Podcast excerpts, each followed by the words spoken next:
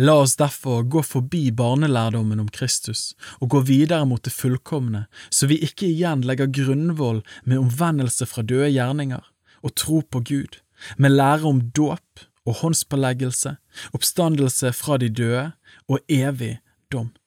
Og det vil vi gjøre om Gud tillater det, for de som en gang er blitt opplyst, som har smakt den himmelske gave og har fått del i Den hellige ånd, og har smakt Guds gode ord og den kommende verdens krefter, og så faller fra. De kan umulig igjen fornyes til omvendelse, siden de på nytt korsfester Guds sønn for seg og gjør ham offentlig til spott.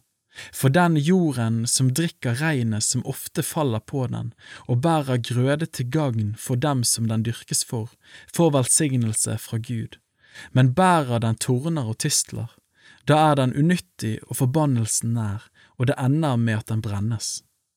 Men når det gjelder dere, våre kjære, så er vi overbevist om det som bedre er, og som hører til frelse, selv om vi taler slik. For Gud er ikke urettferdig, så han skulle glemme det verket dere har gjort, og den kjærligheten dere har vist mot hans navn, ved at dere har tjent de hellige og fortsatt gjør det men vi ønsker at hver og en av dere må vise den samme iver etter å ha den fulle visshet i håpet inntil enden, så dere ikke blir sløve, men følger etter dem som ved tro og tålmod arver løftene. For da Gud ga Abraham løftet, sverget han ved seg selv, han hadde jo ingen større å sverge ved, og sa, sannelig, jeg vil rikt velsigne deg og gjøre din ett tallrik.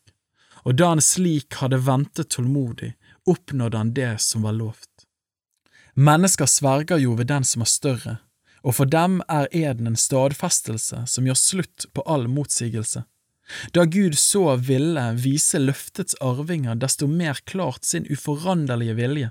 bekreftet han det med en ed, for at vi skulle ha en sterk trøst ved to uforanderlige ting, som utelukker at Gud kan lyve, vi som har tatt vår tilflukt til å gripe det håpet som ligger foran oss.